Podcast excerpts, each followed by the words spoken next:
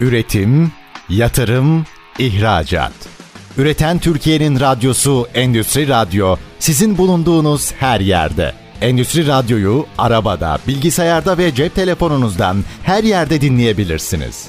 Endüstri Radyo.com Çetin Ünsal'ın hazırlayıp sunduğu İşte Bunu Konuşalım programı başlıyor.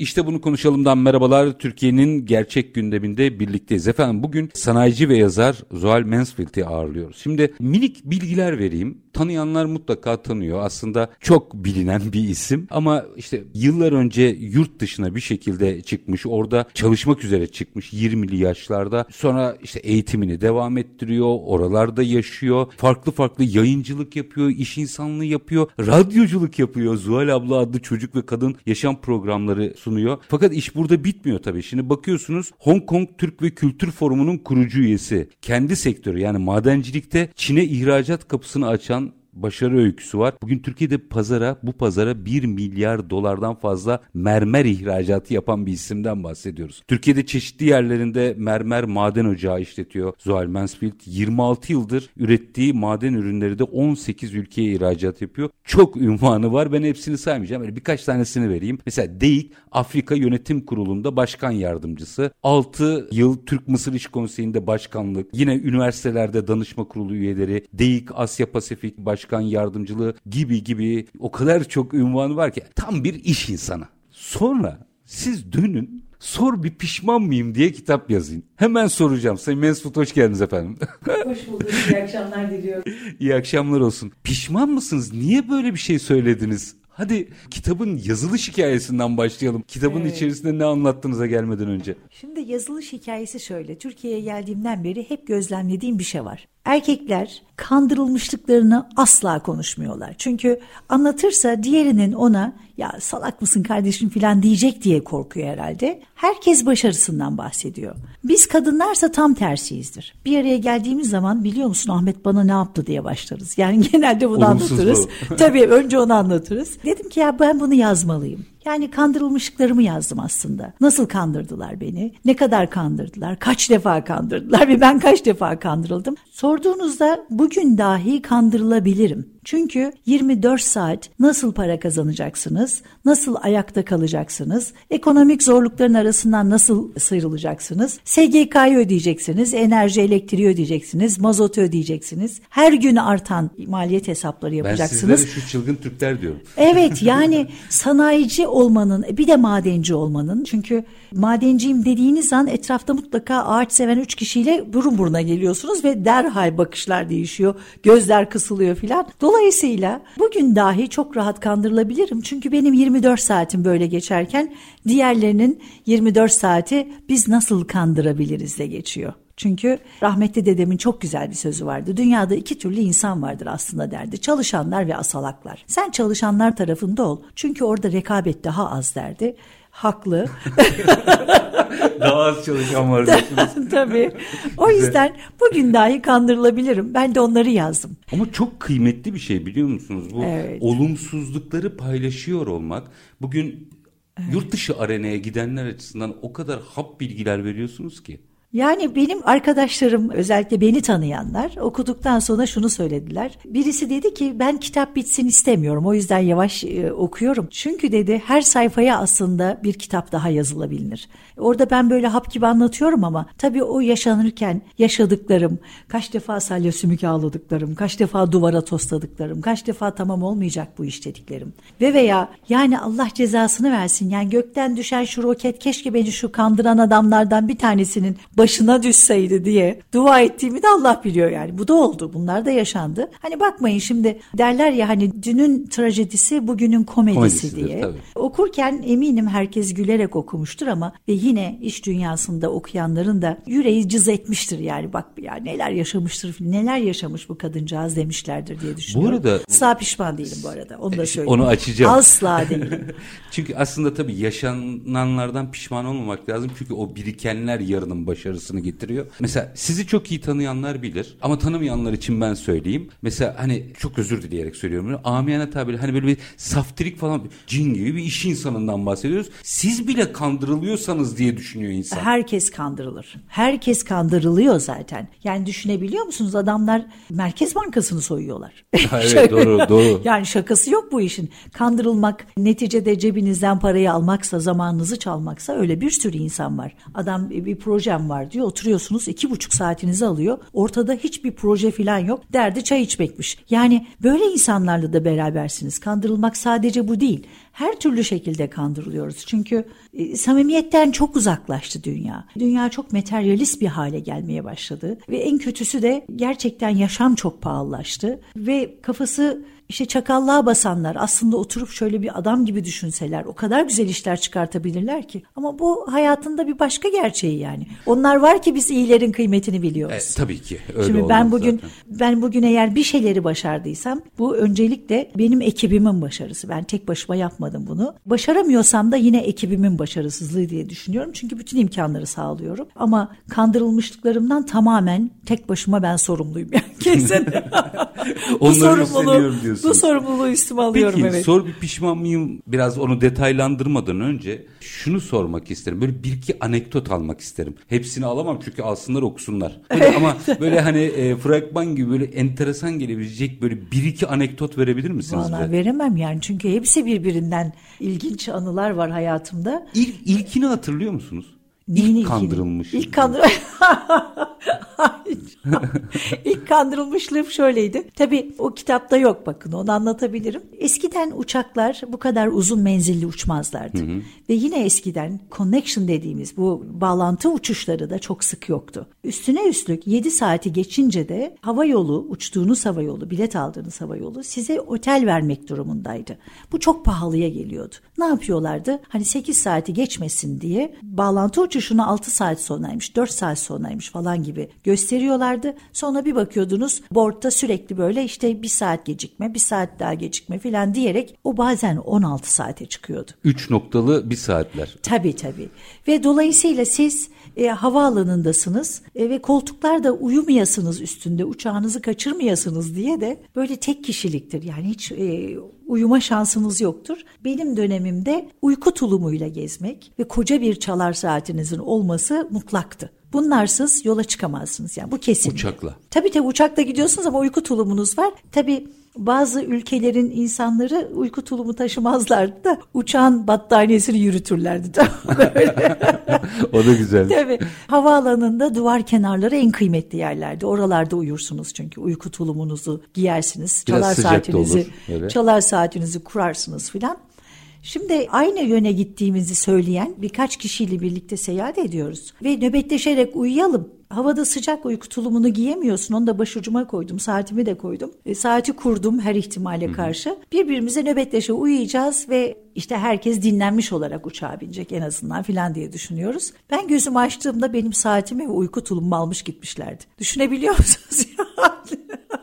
İlki bu muydu? İlki buydu seyahate çıktığımda. İlk bu geldi benim başıma. Yani inanılır gibi değil dedim. Bu nasıl bir dünyanın içinde yaşıyoruz ya Rabbi ne olacak dedim yarınlarımız. Düştüğümüz duruma bakar mısınız? Her geçen gün dünümüzü arıyoruz. Bir kalifikasyon problemi var. İnsan kalitesinde bir problem var. Bir de sanki bazı adetleri unuttuk. Zuhal Yani şöyle düşünün bir sanayici olarak size bunu sormak istiyorum. Bazen böyle zaman zaman burada da sohbet ederiz. Yani Asım Kocabıyıklar, İbrahim Bodurlar onlarla yaptığımız sohbetlerde böyle, böyle şiir kitabı okur gibiydiniz. Şimdi şöyle bir durum var. Çok iyi sanayicilerimiz var.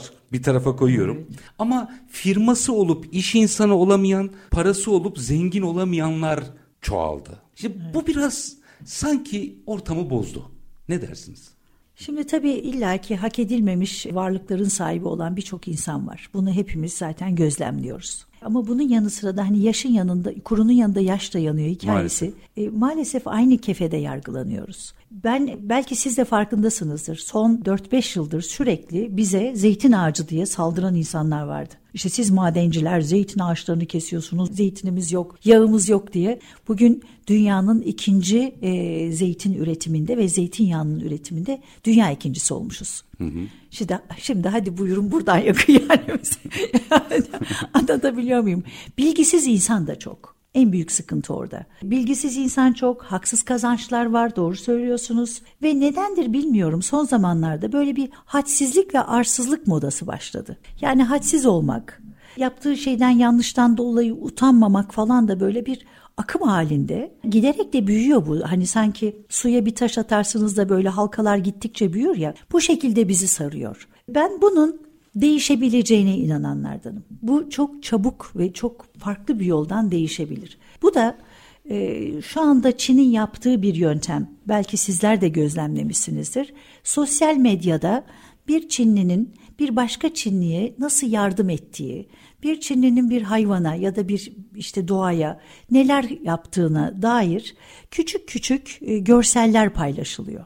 Ve bu akımı büyütüyor. Biz Çinliler bu kadar işte e, nezaketliyiz. Biz Çinliler bu kadar hümanistiz. İşte doğa Ekosistem severiz. Ekosistem yaratıyorlar aslında. Evet. Bizim de bunu yapmamız lazım. Bizim sosyal medyamızda sürekli kim kimi öldürdü, kim kimi dövdü, kim kimi işte nasıl yanlışlar yaptığından ziyade birazcık güzellikleri paylaşmamız gerekiyor. Çünkü etrafta çok da güzel insan var aslında. Evet evet. Güzellik Onların yapan biraz sesi çıkmıyor. insanlar var sesi çıkıyor da o e, trend topik olmuyor diyelim.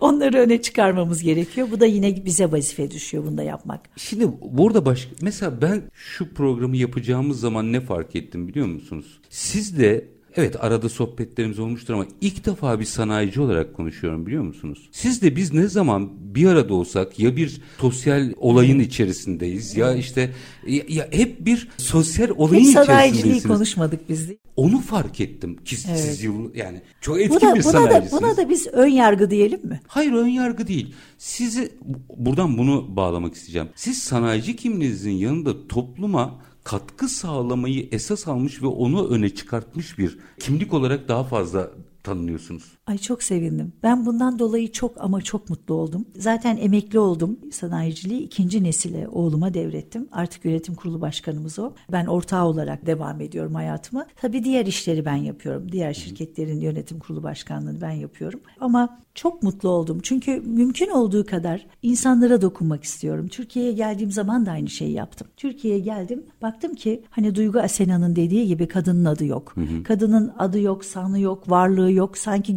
görünmez böyle bir insanlarmışız gibi. Oysa nüfusun diğer yarısıyız biz. Afrika'da çok güzel bir söz vardır. Gölün diğer yarısı kadınlara aittir der. Yani kadın orada yok, erkek sahip çıksın hikayesi yoktur orada. Hı hı. Afrika, kıta Afrika kadındır yani o kesin öyle. Fakat burada çok e, sükûtü hayale uğradım. E, bunun tabii e, etkisi şu diye düşünüyorum.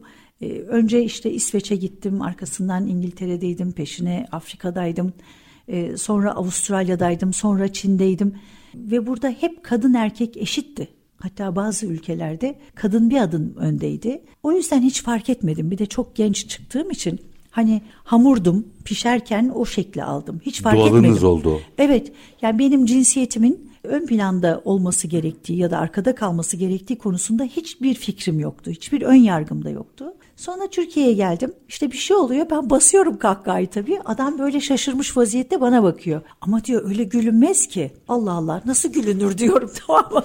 Kahkaha atmazmış kadınlar. Hadi canım sen de falan diyorum. Ya. Olacak iş değil yani. İşte seçime gidiyor. Dış Ekonomi İlişkiler Kurulu'nda seçim var. Aa dedim ben de aday olayım. Dedik yani kadın başına ne yapacaksın burada dedi. Sen dedi ünlü birisinin kızı mısın filan gibi de bir laf etti yani. Bu, bu arada tabii e, bu olaylar daha bugünkü bilinçte oluşmamış. Tabii canım daha evet. 18 yıl evvelden bahsediyorum. Yani. 18-19 yıl evvelden bahsediyorum. Yani adama o kadar kızdım ki aynı masada yemek yediğimiz adam. Kalktım bir konuşma yaptım, adımı yazdırdım. Neden e, kurulda olmak istediğimden bahsettim. Sonra çok yüksek bir oy aldım ve ben Avrasya Yönetim Kurulu'na girdim. Yani adama da döndüm böyle oh gördün mü dedim. Yani bu isimle misimle olacak bir şey değil yani. Bu projeyle olacak bir şey. E, yani bu bir şey yapma arzusuyla olacak. Bir de size şey. şans tanıyacaklar. Şimdi orada da o hakkı yememek lazım. Bana oy veren Tabii. insanların da o konuşmadan feyz almış olmalarını e, olduklarını düşünüyorum. Onlara da teşekkür ediyorum. Onların sayesinde ben orada var oldum ve konsey başkanlığım döneminde e, çok başarılı bir başkanlık geçirdiğimi biliyorum. Her konseyde. Belarus'tayken halkeza öyle ihracatımız arttı. Mısır İş Konseyi Başkanlığı yaptım 3 dönem 6 yıl. Toplam dış ticaret hacmi 27,5 milyar dolardı bıraktığımda. E, bu şaka bir şey değil çünkü 3 sistemle çalıştım, 3 rejimle çalıştım. Sayın Mübarek'le çalıştım, Sayın Mursi ile rahmetli Mursi ile çalıştım. İki tane geçici hükümet gördük bu arada ve e, Sisi ile çalıştım. E, Sayın Sisi ile de son dönemimi onunla geçirdim. Ve bu arada Arap Baharı oldu, yer yerinden oynadı, Suriye ayaklandı. Neler Biz oldu? o tarafa gittik, mayınları temizledik, sınırlarda bir sürü tantana oldu. Yani ve bu sırada 27,5 milyar dolar geldi. 27,5 milyar dolar geldi ve ben bunu hep söyledim. E, her zaman da söylüyorum. Siya evet ticari köprüleri atmak için siyasi hareket gerekiyor ilk olarak ama yani başlangıç Hı-hı. olarak. Fakat köprüler atıldıktan sonra o ticari köprüler hani to wish to have sahip olmak duygusunu yarattığınız an artık o köprüler yıkılmıyor ve olabildiğince de hızlanıyor bu iş. Muhteşem yatırımlarımız var orada. Arkasından Avustralya İş Konseyi Başkanlığı yaptım. Sonra dedim ki ya böyle beton başkanlara çok kızıyorum. Gidip koltuğa oturuyorlar ve yapışıyorlar oraya. Bir daha oradan ayrılmak istemiyorlar. Ee, dedim ki yani bunu böyle söylerken benim e, yaklaşık bir 15 yıldır başkan olmam artık yeter dedim yani buna bir dur demem lazım. Önce kendimden başlayayım dedim ve ben o görevlerimi bıraktım. Bir dakika. Onun kararını da siz verdiniz yani. Şimdi tabii, o da çok önemli. Tabii. Şimdi minik bir araya gideceğim. Aranın ardından aslında tam bu noktadan sor bir pişman mıyım noktasında şunu sormak, şunu öğrenmek istiyorum. Mesela şimdi isim olacak ama e, herhangi bir başkanlık ki adreslendirme göstermiş olmayayım. Mesela ya keşke bir dönem daha yapsaydım dediğiniz oldu mu? Kısa bir ara vereceğim. Aranın ardından alacağım bunu yani. Adresi söylemeyin, isim belli olmasın. Sanayici ve yazar Zuhal Mansfield'de sor bir pişman mıyım diyoruz. Kısa bir ara lütfen bizden ayrılmayın. Üretim, yatırım, ihracat. Üreten Türkiye'nin radyosu Endüstri Radyo sizin bulunduğunuz her yerde. Endüstri Radyo'yu arabada, bilgisayarda ve cep telefonunuzdan her yerde dinleyebilirsiniz. Endüstri Radyo.com Kısa bir aranın ardından işte bunu konuşalım demeye devam ediyoruz. Konuğumuz sanayici ve yazar Zuhal Mansfield. Araya giderken bir soru sormuştum Zuhal Hanım'a. Ben arada cevabını aldım size söyleyeyim. Hayır hepsini gönül rahatlığıyla devrettim. Sonraki arkadaşlarım da işi yaptılar ve zaten bir şeyin özellikle altını çizmek istediğiniz ama Zuhal Hanım. Değilkin bir farkı var. Bütün yöneticiler, başkanlar kendi masraflarını kendi karşılar. Böyle bir şey var. Seyahat ajantası hiç değil. Yani bu çok önemli bir şey çünkü ben kurumları görüyorum. Seyahat ajantası gibi çalışıyorlar. Sürekli bir yerlerde gezilerdeler. İşte nereye gittiler, ne oldular, raporu nedir, kim yere ne yapmış, nasıl ilişkiler kurulmuş, nasıl bir potansiyel yakalanmış, ne tür anlaşmalar yapılmış, bize yansıyanı nedir diye hiçbir feedback dediğimiz bir geri dönüşümü yok onların. Hmm. Dolayısıyla ben onlara seyahat ajantaları diyorum. Güzelmiş. Peki şimdi biraz tekrar sor bir pişman mıyıma dönmek istiyorum. İşin içinde enteresan bir maden hikayesi var. Dünya dünyanın her yerinde bir şekilde madencilik yapılıyor. İşte altın madenciliği de konuşuluyor, mermer de konuşuluyor falan. Şimdi zaten zor bir saha. Evet. Bir de bunu dünya ölçeğinde yapmak nasıl bir şey? Zor bir şey. Hadi açıklayalım. yani tamam biraz anlatayım nasıl madenci olunur anlatayım. Lütfen. Diyelim ki e, siz bir ocak buldunuz zaten oradan başlayacaksınız doğal olarak. Direkt fabrikadan başlayamazsınız. Bu ocağı bulduktan sonra önce ocağı koordinatlarını belirliyorsunuz. Bazen açık artırmayla, bazen açık eksiltmeyle, bazen de müracaat ederek ruhsat alıyorsunuz. Aslında devletten. bir olasılığı satın alıyorsunuz yani. Bir olasılık. Kesilmemiş bir karpuz. Hı hı. İçini bilmiyorsunuz ne Kısmet. çıkacak. İşte kısmet. Ha kesilmişler oluyor. Yani Bilimsel belli oluyor. mutlaka çalışması vardır da tabii. Tabii. Kesin onun içi çıkmış artık görünen bir e, maden rezervi oluyor. İşte o zaman da fiyatları başkalaşıyor. Onu da Doğru. kişilerden alıyorsunuz zaten devletten değil. Onlar zaten almışlar, çalışmışlar, açmışlar ve satışa çıkarmışlar oluyor. Şimdi Ocak Diyelim ki ruhsatı aldınız hasbelkader. İşte ruhsat harcı ödüyorsunuz başta devlete. Arkasından hazine payı ödüyorsunuz. Sonra il özel idare payı ödüyorsunuz. Hı hı. Sonra köylere hizmet götürme bedeli ödüyorsunuz. arazi arazi tahsis bedeli ödüyorsunuz. Yetmiyor orman payı artı KDV ödüyorsunuz. Her yerde mi bu? Tabii her yerde böyle. Her ocakta böyle bitmedi. Belediye payı ödüyorsunuz. Çevre uyum teminatı veriyorsunuz. Orman altyapı izni alıyorsunuz. Ağaçlandırma bedeli ödüyorsunuz. Daha da ilginci çektiğiniz bütün elektrik trafosu direkleri devlete hibe etme kaydıyla yapabiliyorsunuz. Yol açarsanız da yolu devlete hibe etme kaydıyla yapıyorsunuz. Sonra Türkiye Büyük Millet Meclisi Araştırma Komisyonu raporu için bir madenci yani bunu hmm. hadi artık başlayalım bunları ödedik demeden evvel de 8 bakanlıktan 92 yasadan 87 yönetmenlikten, 16 uluslararası sözleşmeden, 8 tüzükten, 21 değişik kurumdan izin alırsanız ancak biraz evvel söylediğim ödemeleri de yaparak madenci e, oluyorsunuz. Zaten pişman olmak için yeterliyse. Buna rağmen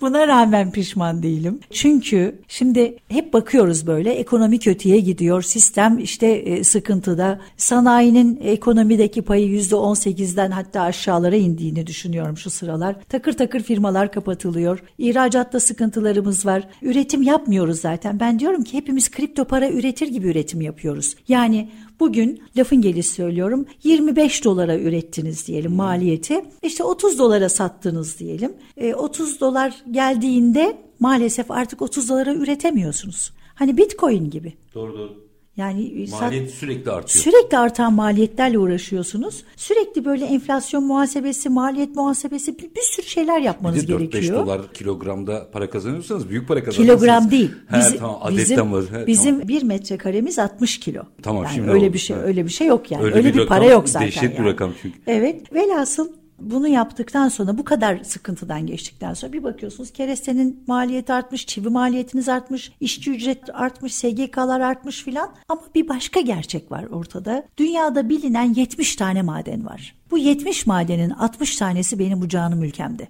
Bunun da Tür olarak dünya ihtiyaç tür olarak, Tür olarak. ve dünya ihtiyacının da yüzde sekseni bizde. Siz Elon Musk'ın bizim kara kaşımıza kara gözümüze buraya geldiğini mi zannediyorsunuz? Lityum başta olmak üzere bir sürü şey geliyor. Bravo, bravo. Bunu bilen çok az insandan birisiniz. Yani Çetin Beyciğim sizden gurur duyuyorum. Var olmuş. Velhasıl böyle bir dünyadayız artık. Ve diyorum ki bu ülkenin geleceği madencilik. Hani her ne kadar bizi sevmeseniz de ve biz bu kadar işlevler işlemden geçerek var olmaya çalışsak da bu bir varoluş savaşını veriyor olsak da bu ülke geleceğin ülkesi. Bu kesin. Hı hı. Yani bizsiz dünya hiçbir yere gidemez. Madenlerden dokunduğunuz ötürü. dokunduğunuz her şey maden. Bu Dokunduğunuz tersten her şey. baktığınızda da çok güçlü olmanız gerekiyor ekonomik olarak, siyasi olarak. Aslında güçlüyüz. Yani Evet, bu kadar darbeye gerekiyor. bu kadar darbeye rağmen, Onda bu kadar sıkıntıya rağmen 2200 yıllık devlet kültürü var burada. Tabii 80 milyonluk nüfus hala varsa evet sıkıntılarımız var yok değil ama bu işte gelecek ülkesi olacağız ya bunu bunu sadece zaman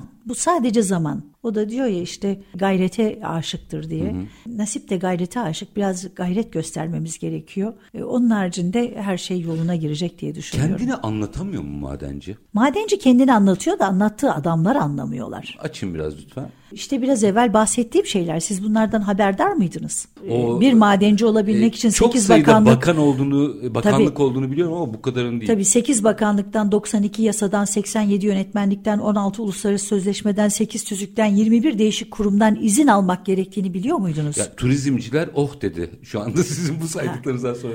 Ama inanın bana madencilerin vermiş olduğu hasar yeşil çevreye yüzde birdir. Asıl zararı, asıl hasarı inşaatçılar verir ama Evet, niyeyse hep biz okkanın altındayız. Yapacak Ama bir şey yok. 8 bakan yani dedim ya turizmciler oh dedi onlar hep yakındır. Çok bakanlığa gidiyoruz diye siz 8 bakanlıktan yani bir kabine size çalışıyor gibi bir şey yarısı neredeyse. E, tabii kolay bir sektör değil bu ve çok da kıymetli bir sektör. Tabii maden deyince herkesin aklına hemen altın geliyor. Tabii sadece altın değil, tabii. madencilik. Aslında belki de altın bugünkü teknolojik gelişime baktığınızda en değersizlerden biri. Bugün o kadar işte lityum, lityum gibi o kadar enteresan. Egzotik, egzotik madenlerimiz. Geleceğin ekonomisine ait madenler var ki Kesinlikle. onları konuşmakta. Ya peki ama ben bunlara yine kitaba bağlayacağım. Bütün bunlara rağmen sizi pişman etmeyen duygu ne? Girişimcilik.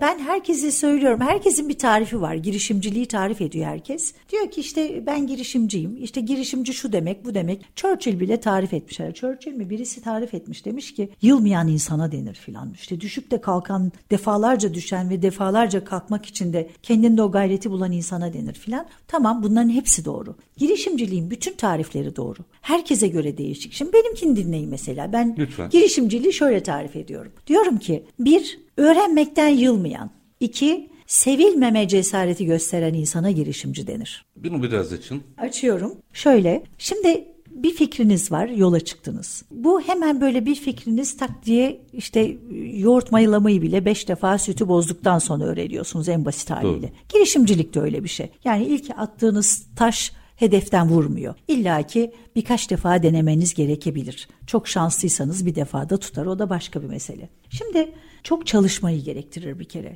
Gece, gündüz, disiplinli, gerçekten çok sıkı çalışmayı gerektirir ve bir bakarsınız ki en sevdiklerinizi, bu evladınız olur, eşiniz olur, anneniz babanız olur, kardeşleriniz olur bunların hepsini ihmal edersiniz. Çünkü bir hedefiniz vardır ve mesafe uzundur, zaman azdır, e, sizin bu arada bilgilenmeniz gerekir. Birçok şeyi de öğrenmeniz gerekir. Ve doğal olarak sevdiklerinizi ihmal edersiniz. Şimdi böyle başlar iş. Sonra birazcık bir yola çıkarsınız. Birazcık büyürsünüz. Dostlarınızı ihmal etmeye başlarsınız. Ölümlerine gidemezsiniz. Düğünlerine gidemezsiniz. Doğumlarına gidemezsiniz. Yani böyle hep dostsunuzdur ama maalesef hep yoksunuzdur. Biraz daha büyürsünüz. Bu sefer rakipleriniz başlar sizi sevmemeye. Çünkü artık ortaya çıkmışsınızdır. Taşları bozmaya bak- ba- e, Tabii taşlar yerine oturmuştur. İşte lokomotif yola çıkmıştır. O kocaman yuvarlak gözlerle meraklı bakışlar birdenbire kısık gözlerle size bakmaya başlarlar böyle ne zaman düşecek diye. E, bilirsiniz artık yani doğru yoldasınızdır en azından onun garantisi vardır. Biraz daha büyürsünüz. Bu sefer hayatı boyunca hiçbir halta yaramamış, hiçbir şeyi becerememiş, hiçbir başarı gösterememiş insanlar size düşman olurlar. Ben onlara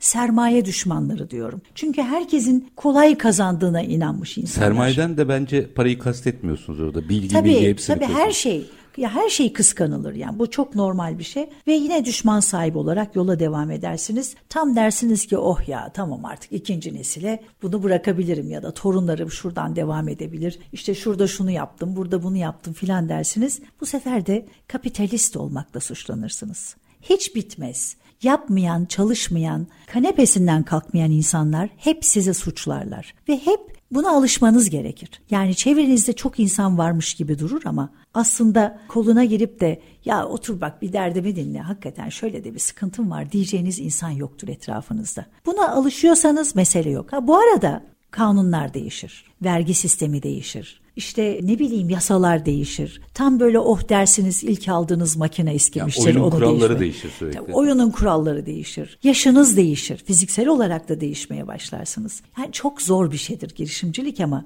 bu böyle bir adiklik dediğimiz bağımlılık. Yani bu bu bir adrenalin. Şimdi ben emekli oldum göya evdeyim. Aa bir ay sonra filan da herhalde bir gıda firması kurdum. Çok iyi bu. bu böyle bir şey yani. Rahat batar, rahat batıyor. Aslında galiba o bir hayat tarzı oluyor. Hayata bakış açısı oluyor. Yani o artık parayı, pulu, işi falan geçmiş oluyor. Başka bir hayatın kendisi gibi oluyor. Evet evet. Yani çok da bana diyorlar ki bir yere gidiyoruz işte ekonomiden konuşuyoruz filan. Benim beni çok yakından tanıyan birisi ya diyor seni ben ekonomiyle alakalı bir şey okurken görmedim. Nasıl diyor bunları söyledin? Ya kardeşim içinde yaşıyorum yani. Bu kadar mı? ya balığa denizi ne anlatacaksın yani birebir içindeymişsin. Minik bir araya gideceğim. Şimdi bu bu manşetin üzerine gideyim. Birebir içindeyim. Aranın ardından ben şimdi sorumu sorayım. Aranın ardından e, gelsin bunun Tamam. yanıtı. Bütün aslında bütün bu yolculuğu göze almak bir cesaret ve kimseye kulak asmamak anlamına gelir. Günün sonunda buna rağmen o mahalle baskısı nedir ki size ya bir dakika ben pişman mıyım diye sordurtur. Kısa bir ara. Aranın ardından gelecek efendim bunun yanıtı. Konuğumuz ifade edelim tekrar sanayici ve yazar Zuhal Mansfield. Kısa bir ara. Aranın ardından sor bir pişman mıyım diyoruz. Üretim, yatırım, ihracat. Üreten Türkiye'nin radyosu Endüstri Radyo sizin bulunduğunuz her yerde. Endüstri Radyo'yu arabada, bilgisayarda ve cep telefonunuzdan her yerde dinleyebilirsiniz. Endüstriradyo.com Kısa bir aranın ardından işte bunu konuşalım devam ediyor. Konuğumuz sanayici ve yazar Zuhal Mansfield. Sor bir pişman mıyım diye kitabın üzerinden aslında bir seyyahlık öyküsü hem de iktisadi bir seyyahlık öyküsünü konuşuyoruz. Şimdi araya gitmeden önce çok güzel bir girişimcilik tarifi yaptınız. Ve bunun içerisinde aslında hedefinizi belirlediğinizde çok da kimseye el alem terör örgütü diyorum ben onlara her konuda benceleri var. Çok da kulak asmadığınızı anlıyorum. Buna rağmen bu nasıl bir mahalle baskısı ki size sor bir pişman mıyım veya ben pişman mıyım diye bir soru sordurttu mu ki bu kitap çıktı. Bu kitabın isim hikayesi farklıdır. Tanıdığım işte Z kuşağı dediğimiz, alfa kuşağı dediğimiz yeni nesil kardeşlerimizden bir tanesine dedim ki bu kitabı yazdım ama isim konusunda sıkıntılarım var. Ne yapmalıyım sence dedim. Bir iki tane böyle içindeki hikayeyi okuduktan sonra sor bir pişman mıyım diye isim babası Z kuşağından Bil, çıktı. Bilgin yani. Bilgin Soy'dur evet. Kardeşimiz Bilgin Bilgin Soy kitabımın isim babasıdır. O da zannediyorum şu sıralar 21 yaşında bir delikanlı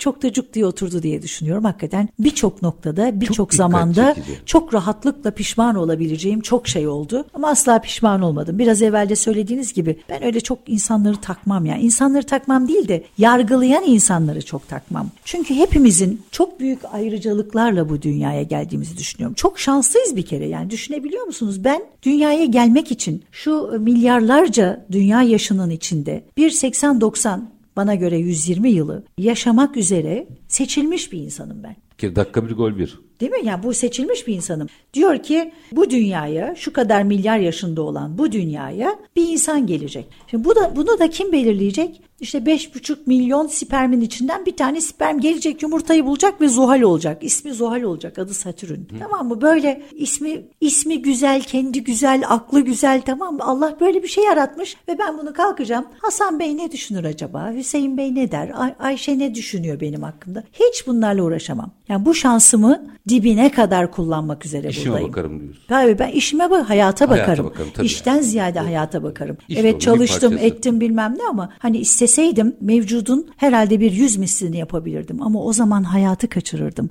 hayatı ıskalardım. 120 ülke gezdim. 122 ülke ve her bir tanesinde mutlaka bir iz bıraktım. Mutlaka bir şey yaptım. Dolayısıyla ben böyle sadece iş odaklı, sadece işte komşu odaklı, el alem odaklı falan yaşayamam zaten. Hayır, ya benim yap- ya, yaşamımda böyle bir prensip yok en yani. büyük kanıtı biziz. Yani biz bugüne kadar sizle evet. biz sanayiciyle ki bir ekonomi gazetecisinin yıllardır sanayi konuşmamış olması ama biz evet. hep işte bir gün bir çevreyi sosyal konuştuk, sorun, bir gün çevre kadınları konuştuk. konuştuk yani tabii. Hep farklı farklı şeyler konuştuk evet. ama sıra hiç sanayiye gelmemiş. Gelmedi bugün en azından. doğru. Kitap yazmak. E, neden evet. kitap yazdığınız kısmını anlatayım. Şimdi baktığınız zaman Bill Gates işte multitrilyoner bir adam yani dünya sıralamasındaki bir adam. Yarın bir gün olur mu onu bilmiyorum. Microsoft'la tepe taklak gidecek diye düşünüyorum bu Android'in yüzünden. Ama neticede çağımızda onu bilmeyen var mıdır? Tanımayan var mıdır? Yoktur. Buna rağmen kitap yazıyor adam. Buna rağmen Bill Gates kitap yazıyor. Ha demek ki bu varlığıyla hatırlanmak bir dönem.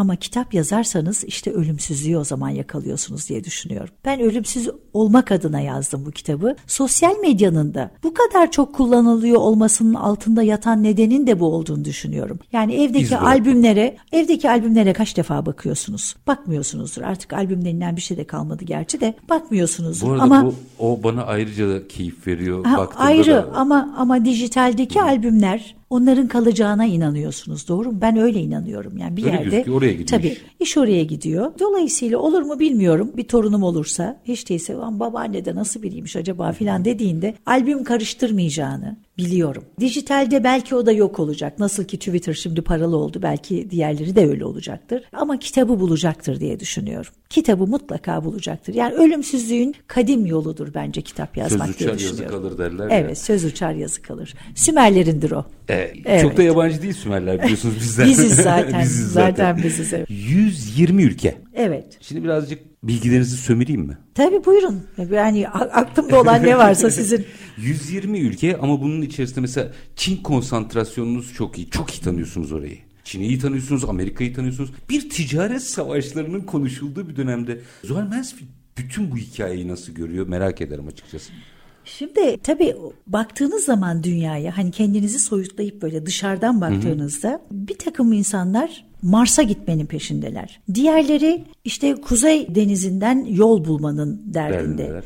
Diğer taraftan bir savaş söz konusu. O savaşın büyüme ihtimali her gün artıyor gibi duruyor ama niyeyse bizim ülkemize hiç yansımıyor bu konuşmalar. Yani Böyle çok uzaylı kalıyoruz. Üçe gitme ihtimali çok yükseldi. Gittikçe yükseliyor. İşte daha e, düne kadar hatta buraya gelmeden evveline kadar aman ya Rabbi ne olacak acaba Çin'in attığı şu roketle neye düşecek belki benim başıma düşer diye düşünüyordum açıkçası. hani köprüye mi düşer? Allah'tan Pasifik'e düşmüş bu arada onun bilgisini de verelim. Çok şükür bitti o krizi atlattık diye düşünüyorum. Doğru haberse tabii. Ki onlar da çok tesadüf yapmazlar bu işi de. Evet.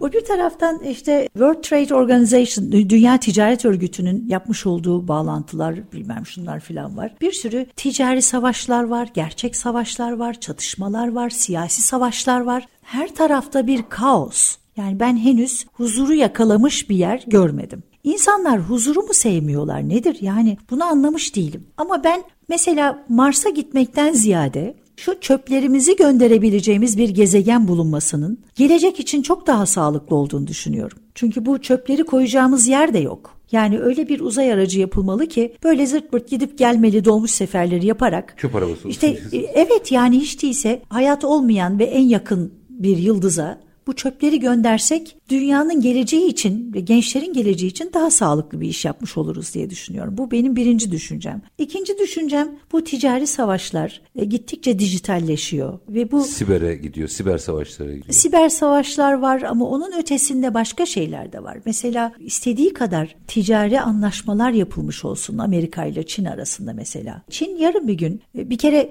şuradan başlayalım. Hiçbir istatistiklerin içinde Çin yoktur. Hı hı. Yani işte dünyada 15 kişiden 5 kişi sigara içiyor diye böyle bir şey söylediğiniz zaman aslında bu dünya rakamı değildir.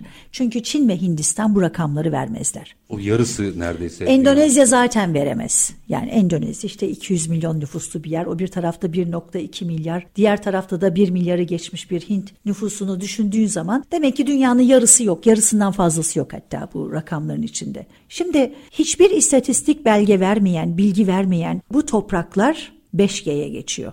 Nanam. İşte bence asıl film o zaman kopacak. Yani 5G'ye geçen Çin o 4.5G'nin bütün bilgilerini herhalde bir 5 saatte filan kendine geçirecek. Doğru. İşte o zaman dünyanın datası Çin'in elinde olmuş olacak. Siz istediğiniz kadar serbest ticaret anlaşması yapın. Yok efendim işte sınırlar için savaşın.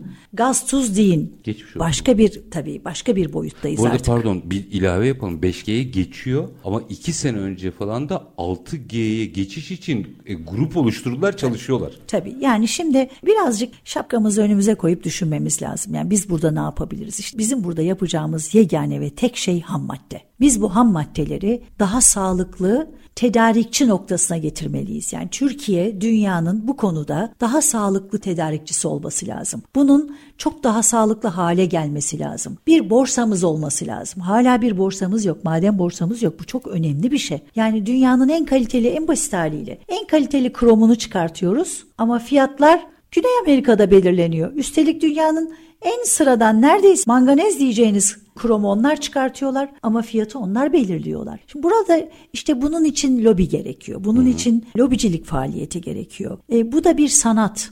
Bunu da tek başınıza yapamazsınız. lazım. Biz Ha, orada biraz o eks, diaspora eksiyiz. konusuna gelince hayır hayır hayır asla ben böyle düşünmüyorum. Bakın herhangi bir ülkenin diasporası için gerekli olan malzemeleri sayalım. Buyurun. Çok sıkı eğitim görmüş insanlar, bu konuda uzmanlaşmış ve eğitim görmüş insanlar, çok iyi bir finans arkasında illaki olması gerekir. Çok iyi bir din, öyle değil mi? Bunların hepsi bir bütün ve bunun lobi faaliyetleri gerekir. Türk diasporası için ne gerekir biliyor musunuz? İkincide kaldık zaten. Hayır ne, ne gerekir? Bil- kaldık. hayır hayır hayır yanılıyorsunuz.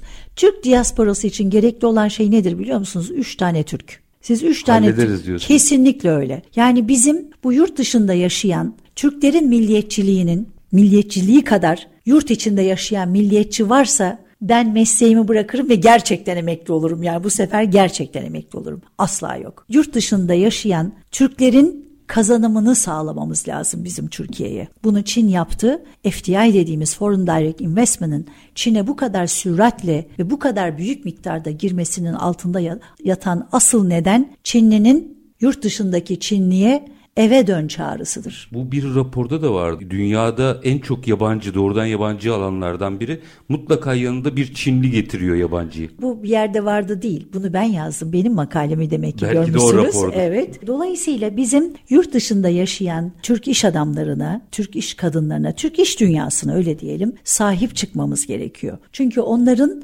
cirosu Türkiye'nin milli hasılasından çok. Bu net. Eğer biz buna seyirci kalırsak o söz işte o zaman yerine oturur. O fanidir ki deryada yaşar deryayı bilmez. Çünkü biz dünyada dördüncü göç veren ülkeyiz. Dördüncü sırada göç veren ülkeyiz. Bizim de güçlü olduğumuz yanlarımız var. Bu gücün farkına varmamız lazım. Eğer biz bunu siyasi olarak yönlendirirsek bu siyasi nehir olarak kalacaktır. Biz bunu ticari olarak yönlendirirsek öyle olacaktır. Ama yatırıma çevirirsek bu nehrin ters akmasını ve Türkiye'ye akmasını sağlarsak işte o zaman başka bir güzelliği yakalamış olacağız. Birçok ülke ekonomisini de yakından bildiğiniz için nasıl sorusunu sorsam iki cümlede nasıl anlatırsınız? Nasıl şöyle şeyde Çin'in yapmış olduğu çağrı çok basitti. Çin dedi ki bu kadar yıldır sen yurt dışında yaşıyorsun. Çinceyi konuşuyorsun ama Çinceyi yazamıyorsun. Ama yan komşunu çok iyi tanıyorsun ve yan komşunun ne kadar nasıl büyük bir kapasitede olduğunu biliyorsun. Artık dördüncü nesilsin, beşinci nesilsin yurt dışında. O halde komşunu getir, arsa benden, teşvik benden, vergilerine kolaylık sağlarım, seni katılımcı yaparım. Ya bu böyle çocuğa anlatır gibi kitabımda var zaten bu. Hmm. Bir çocuğa anlatır gibi slaytlarla anlatılıyordu. Yol haritası veriyorsunuz Ben oradaydım. Aslında. Ben Çin'deydim bunlar olurken. Ben ilk Şanghay'a gittiğim zaman sokakta insanlar suratıma dokunuyorlardı. O kadar az görüyorlardı ki beyaz insan Doğru. oralarda dolaşan ve taksiye binmeye korkardınız. Taksici kafesle kendini koruma altına almış. Yan tarafta yemeği, pijaması, terliği her şeyiyle orada, yaşıyor. orada yaşıyordu.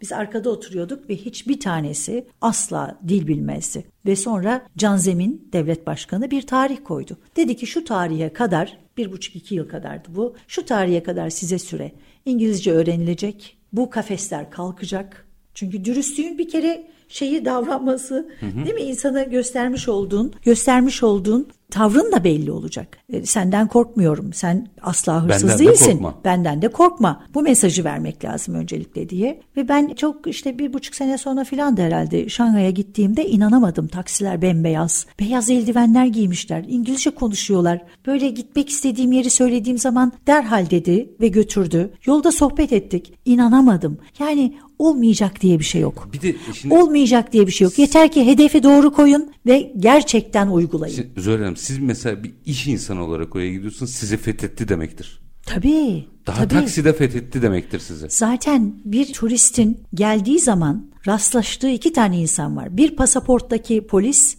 iki taksici, üç resepsiyonist. Bu üçündeki koordinatları doğru sağlarsanız, doğru koordine eder, bunları doğru yetiştirirseniz inanın bana turist geldiğinden çok memnun olacak bir kere. Bir de ne yaşarsa yaşasın, nereye giderse gitsin. İstediğiniz kadar onu el bebek gül bebek ağırlayın, ağırlayın ama çıkarken ki tavrınız çok önemli. Kimi görür en son? Pasaporttaki polis memurunu görür. Eğer polis memuru onu gülerek ülkemize hoş geldiniz yolunuz açık olsun yine bekleriz dese var ya o mutlaka tekrar gelir.